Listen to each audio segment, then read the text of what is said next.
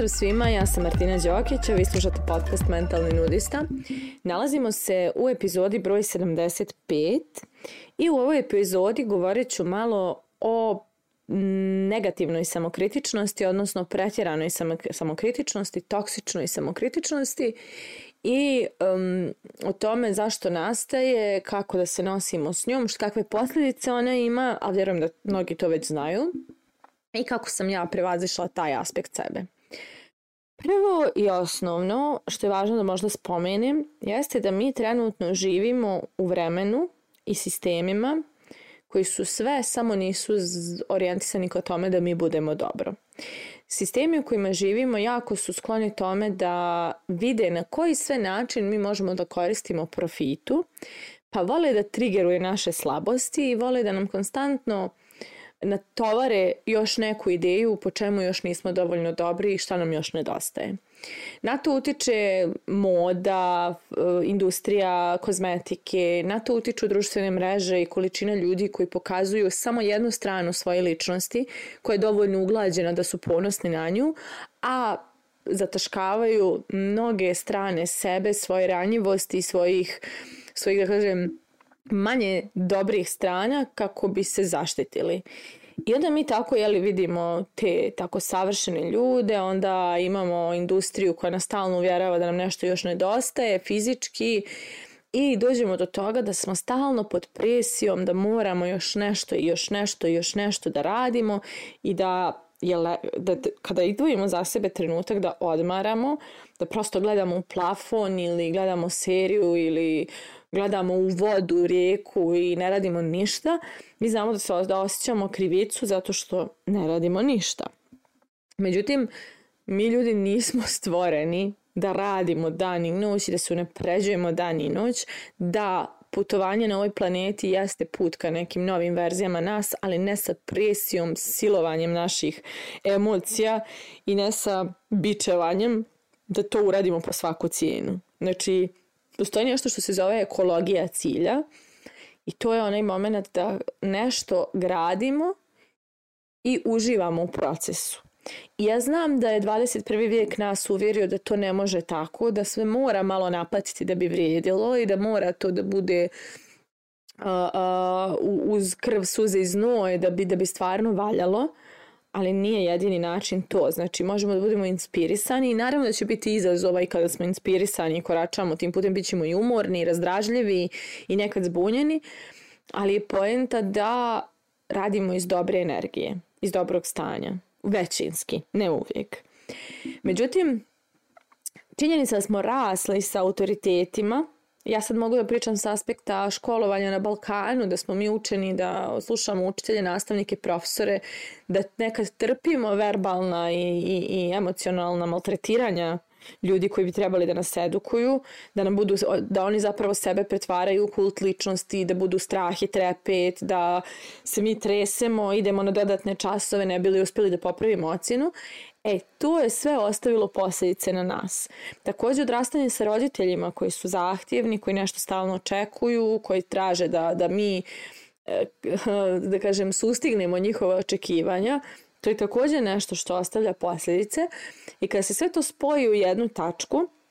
mi dobijemo u sebi taj jedan glas koji je bez emocija, vrlo strog, vrlo grub i vrlo zahtjevan i konstantno traži šta to na nama ne valja. I ako ćemo biti onako potpuno realni, ako realnost uopšte postoji, mislim ja znam kako naš um funkcioniše, svi mi imamo svoju percepciju, ali ako ćemo onako objektivni biti, ne postoji način da mi budemo potpuno zadovoljni ako to jurimo s polja ne postoji način da mi budemo potpuno zadovoljni time što ćemo konstantno sebe forsirati, da moramo da usvojimo još ovu, ovu i ovu naviku, da moramo postignemo još ovaj, ovaj i ovaj rezultat, samo zato jer nas je nešto s polja trigerovalo da nam još to nedostaje. A vrlo smo skloni tome da stalno puštamo te spoljne trigere da dolaze do nas. I onda još na sve to kada dodamo taj glas koji nas tako bičuje konstantno, mi se pretvaramo u svog najvećeg mučitelja, u svog najvećeg zlostavljača emotivnog i pretvaramo se u svog najgoreg neprijatelja. I džaba onda i podrška i rezultati i sve, jer ako u nama postoji ta, ta, ta jedna uloga koja stalno traži to u čemu ne valjamo, koliko god navika usvojili, koliko god rezultata postigli, uvijek, zauvijek nećemo valjati. Jer je očito taj glas taj glas u našoj glavi ima samo jednu misiju, a to je da nas uvjeri da nismo dovoljno dobri. I dok njega ne promijenimo, da ne kažem učutkamo,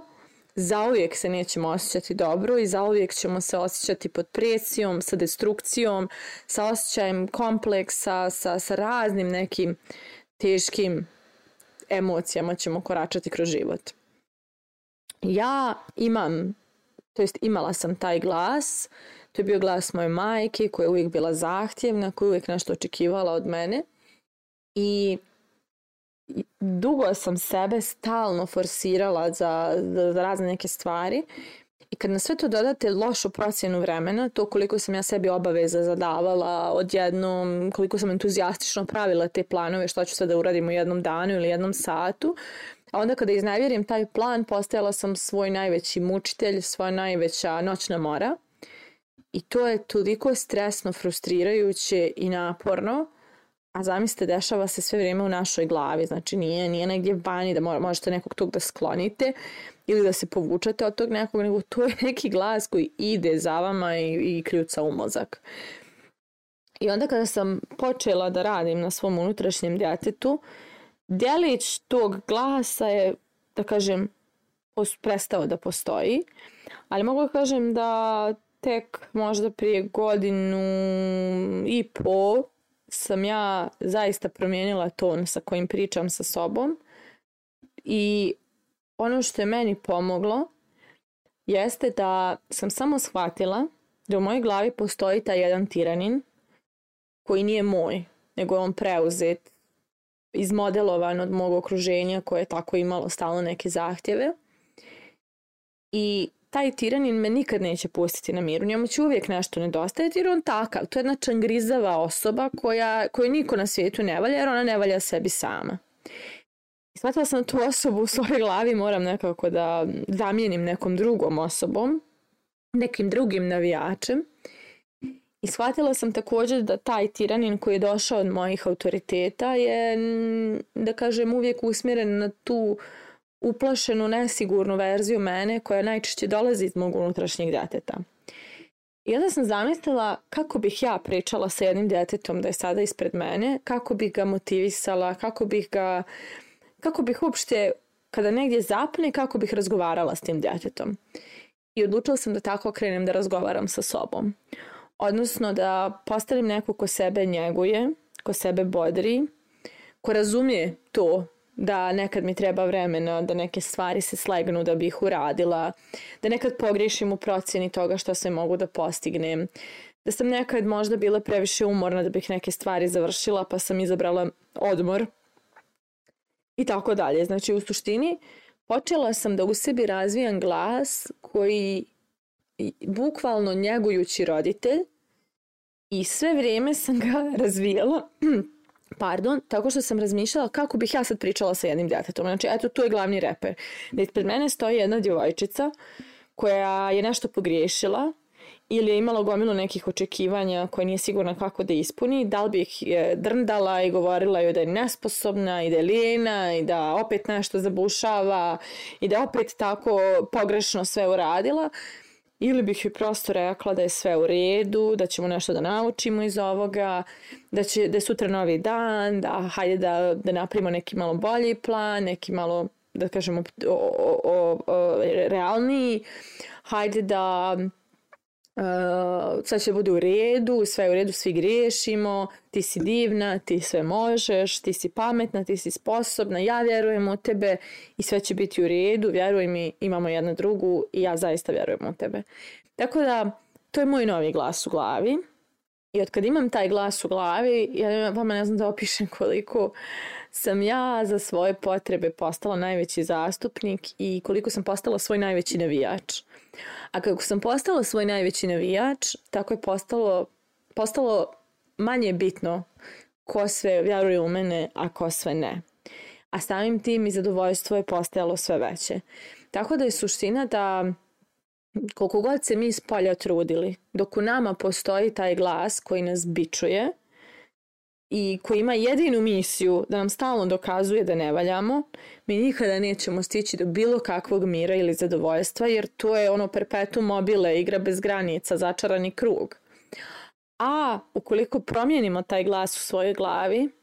i stvorimo sebi navijača, najveću podršku, najveće utočište u sebi, svijet s polja je naše igralište onda. I onda je sve drugo manje važno jer imamo sebe i imamo vjeru u sebe i imamo podršku ka sebi. Tako da moje pitanje za kraj ove epizode je koji glas u svojoj glavi vi imate, taj koji vas bičuje i maltretira ili ovaj koji vjeruje u vas. Mislite o tome, a mi se družimo u narednoj epizodi.